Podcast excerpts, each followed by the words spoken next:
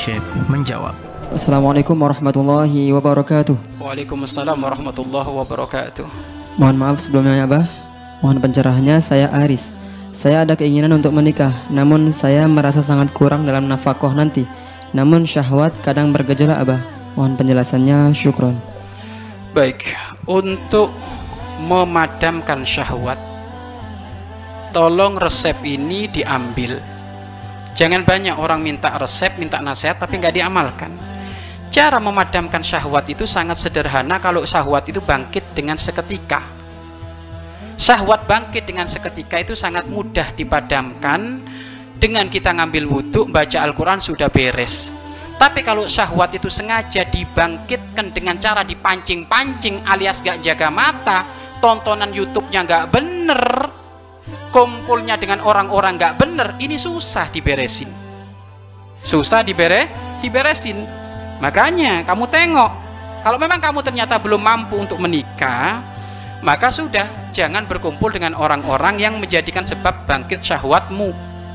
Ya, kumpullah dengan orang-orang yang aman, nyari satu komunitas yang aman menjaga menutup aurat apa semuanya jadi biar enak nggak tergoda seperti itu tetapi ketahuilah jikalau memang ternyata ternyata kamu memang sudah waktunya untuk menikah tidak semuanya menikah harus dengan duit kok Insya Allah banyak wanita yang soleha tidak matri nggak ada hitung-hitungannya duit Makanya kalau kamu pengen ketemu wanita yang soleha, jadikan dirimu soleh.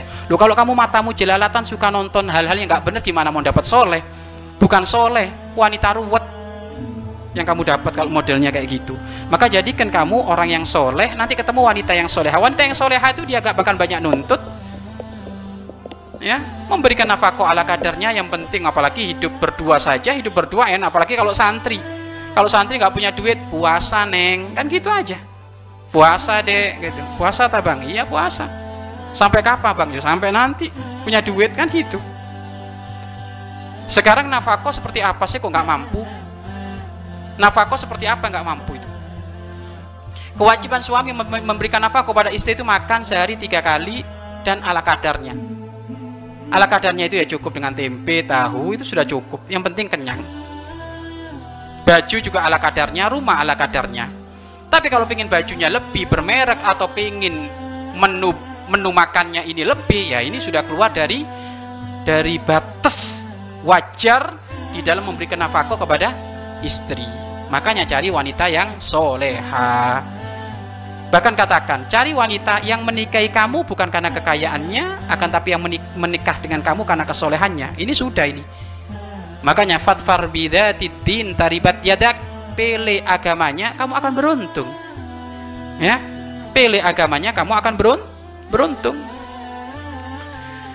dan insya Allah kalau urusan ekonomi duit Allah maha adil kapan kamu sudah menikah berarti rezekimu dua pasti dikasih dua kalau tadi rezekinya satu karena sekarang udah menikah rezekinya dua Alhamdulillah dikasih anak kembar empat rezekinya tambah enam anaknya empat tambah suami istri dua jadi enam rezekinya sudah insya Allah yakin. Iya kunu fukara yugniumullah. Pak Ustadz saya nggak nggak bisa menikah karena fakir. Menikah biar kaya raya.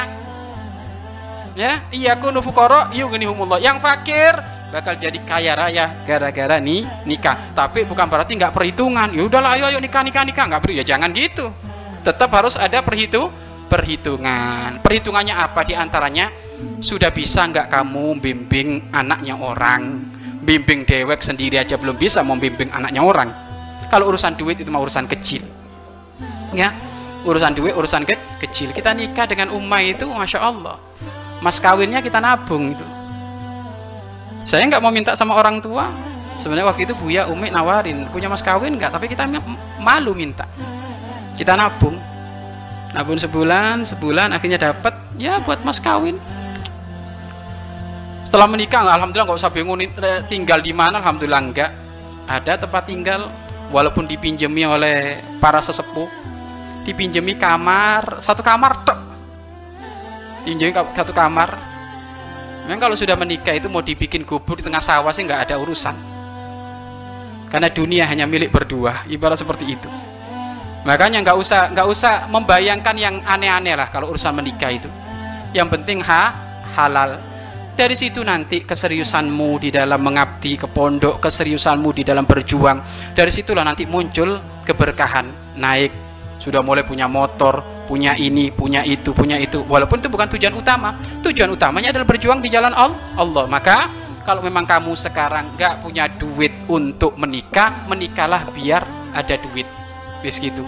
Karena saya yakin kamu kalau mau menikah benar, tapi tolong caranya yang benar, caranya yang baik, biar mengundang keberkah, keberkahan, bukan dengan cara murahan, pacaran, main tembak di lampu merah. Wah ini nggak ada. Kalau kayak gitu tambah bangkrut, tambah bangkrut. Ini benar ini. Datang dengan orang soleh, Pak Kiai didoakan Pak Kiai saya ingin menikah Pak Kiai tapi rezekinya belum ada belum ada umurmu berapa sudah 40 lagi sudah sudah nikah nikah sini mungkin kayak gitu kiainya Iya kan? Sudah nikah nikah nikah. Nikah umur 40 kasihan sebentar lagi mati.